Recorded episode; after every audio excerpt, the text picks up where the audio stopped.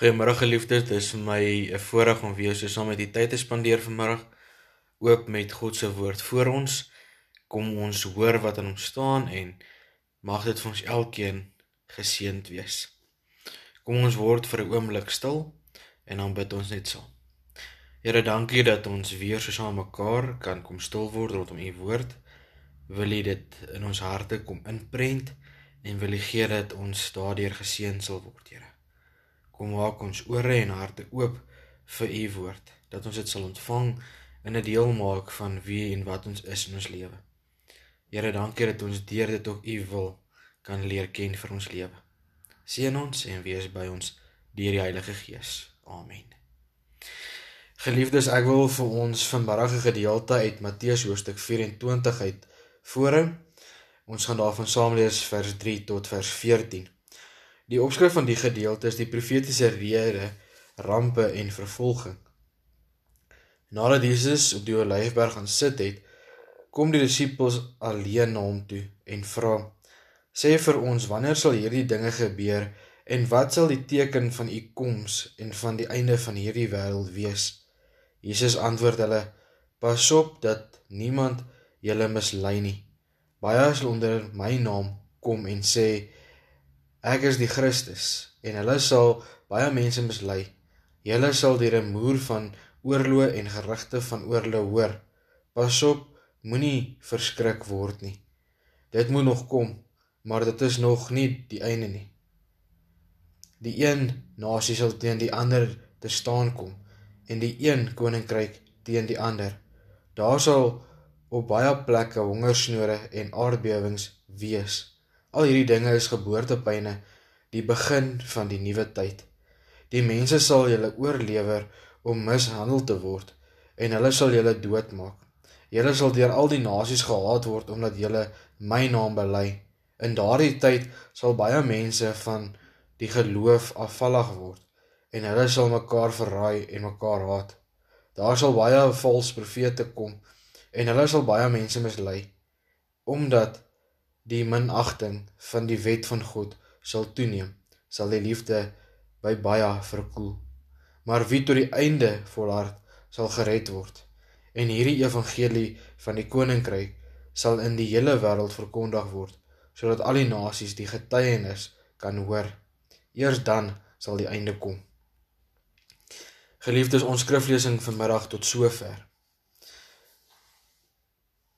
Daar's hierdie afgelope ruk baie gerugte oor die eindtyd en die wederkoms en dat ons moet terugdraai na Christus toe. Dat ons ons sonde moet bely en die Here se wil kom soek vir ons lewe. En dan gryp mense na baie mense se teorieë toe en se denke toe en probeer van dinge sin maak en ek wil vanmiddag vir uit hierdie gedeelte wat ons saamgelees het sê dat al hierdie ding wat gebeur is deel van 'n wêreldsiklus. Hierdie dinge wat ons ook van gehoor het in hierdie teksgedeelte oorlog, hongersnode, ehm um, nasies wat teen mekaar draai, koninkryke wat teen mekaar draai, aardbewings. Ons hoor hierso dat daarna dit verwys word as groeipyne, as die begin van die nuwe tyd. Daarom geliefdes, weet ons nie met sekerheid wanneer dit gaan wees, wanneer die wederkoms gaan wees nie. Ons moet eerder hoor wat word verder vir ons sê. Ons word gewaarsku wees versigtig vir valse profete. Iets wat deur die hele Bybel heen gesien kan word. Mense wat hulle self voordoen om God se plek in te neem. En ons hoor spesifiek hierso waar Jesus aan sy disippels sê: "Pas op dat niemand julle mislei nie. Baie sal onder my naam kom en sê ek is die Christus." Geliefdes, ons moet waak teen valse profeseë. Ons moet volhard in die soeke na God se woord, na God se waarheid. En dit kry ons in sy woord. Daarom wil ek hier van vers 11 of vir 'n paar dinge uitlig.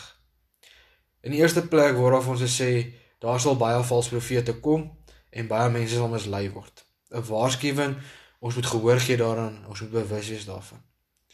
Ons hoor ook dat mense God se wet se se wet sal minag. En ons weet dan die wet sluit nie die Ou Testament in nie, maar dit sluit God se woord in totaliteit in. En dan word ook gesê dat die liefde by baie sal verkoel. En ons weet dat die liefdesgebod die nuwe gebod is wat Christus vir ons kom gee het deur God die Vader. En waar liefde verkoel, is ons besig om nie volgens God se wil te leef nie. En dan hoor ons in vers 13 en 14, dit is waar ek graag vandag die klem wil plaas. Maar wie tot die einde volhard sal gered word. Geliefdes, ons moet volhard tot die einde toe. Ons weet nie wanneer is die einde nie, maar die Here vra van, van ons om te volhard.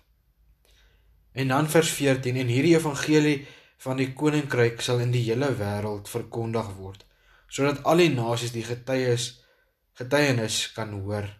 Eers dan sal die einde kom. Geliefdes die evangelie wat ek en u in hand het moet na al die nasies toe uitgedra word. Almal moet die getuienis van die evangelie hoor. En dan eers sal die einde aankom. En ons weet nie wat dit gaan wees nie maar ons het die verantwoordelikheid om te volhard tot die einde en om hierdie evangelie van die koninkryk aan die hele wêreld te verkondig. Om getuies te wees daarvan om dit bekend te maak waar ons is dat ons leer in ons lewe sal getuig van 'n verhouding met God die enig Vader, Seun en Heilige Gees. Daarom wil ek vir julle sê, moenie moedeloos raak of afvallig raak of begin twyfel nie, maar volhard in die evangelie van God want daarin lê sy wil, daarin lê die waarheid.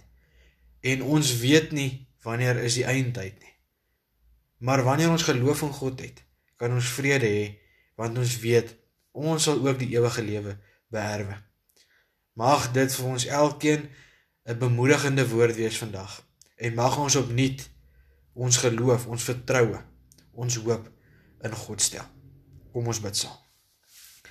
Here, dankie vir u woord. Dankie dat ons daaruit kan lees. Dankie dat ons kan hoor vanuit u eie leer aan die disippels dat niemand van ons weet wanneer die einde gaan aanbreek nie. Here, ons sien baie dinge voor ons oë afspeel. Oor die wêreld teen sien ons gebeure, Here. Wat ons baie keer laat wonder is die eindtyd nie dalk nader as wat ons dink nie. Maar Here, dit is alles spekulasie. Dit is alles 'n probeer sin maak van wat aangaan. Maar Here, ons hoor vandag in die woord dat dit is soos geboortepyne, maar net die begin van 'n nuwe era. En dan besef ons die wêreld gaan deur verskillende siklusse en ons is net deel daarvan. Here, kom gee dat ons soos vers 13 en 14 sê, ons sal volhard tot aan die einde. En dat ons getuies sal wees van die evangelie van u koninkryk, sodat ander ook daarvan te wete kan kom. Here, kom maak ons sterk in ons geloof maar ook fisies. Kom hou ons staande in omstandighede wat ons verward maak, wat ons onseker maak.